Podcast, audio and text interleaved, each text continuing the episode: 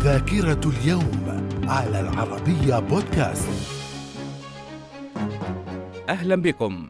من ذاكرة اليوم الرابع عشر من سبتمبر.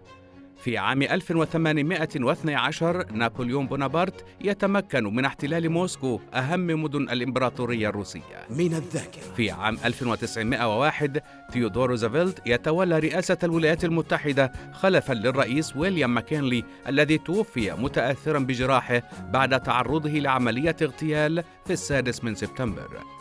في عام 1917 إعلان النظام الجمهوري في روسيا. من الذاكرة. في عام 1960 العراق وإيران والسعودية والكويت وفنزويلا يؤسسون منظمة الدول المصدرة للنفط أوبك وذلك باجتماعهم في بغداد. من الذاكرة. في عام 1982 اغتيال رئيس الجمهورية اللبنانية المنتخب بشير الجميل وذلك قبل تسلمه لمهام منصبه بأيام.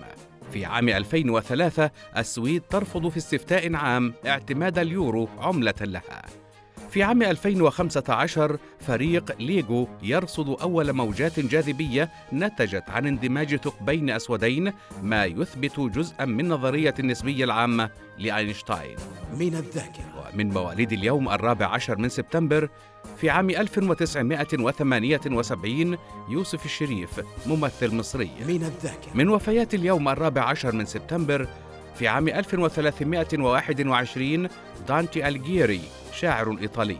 وفي عام 1982 توفيت الأميرة غريس كيلي أميرة موناكو. أما في عام 1982 فتوفي بشير الجميل رئيس الجمهورية اللبنانية المنتخب. إلى اللقاء.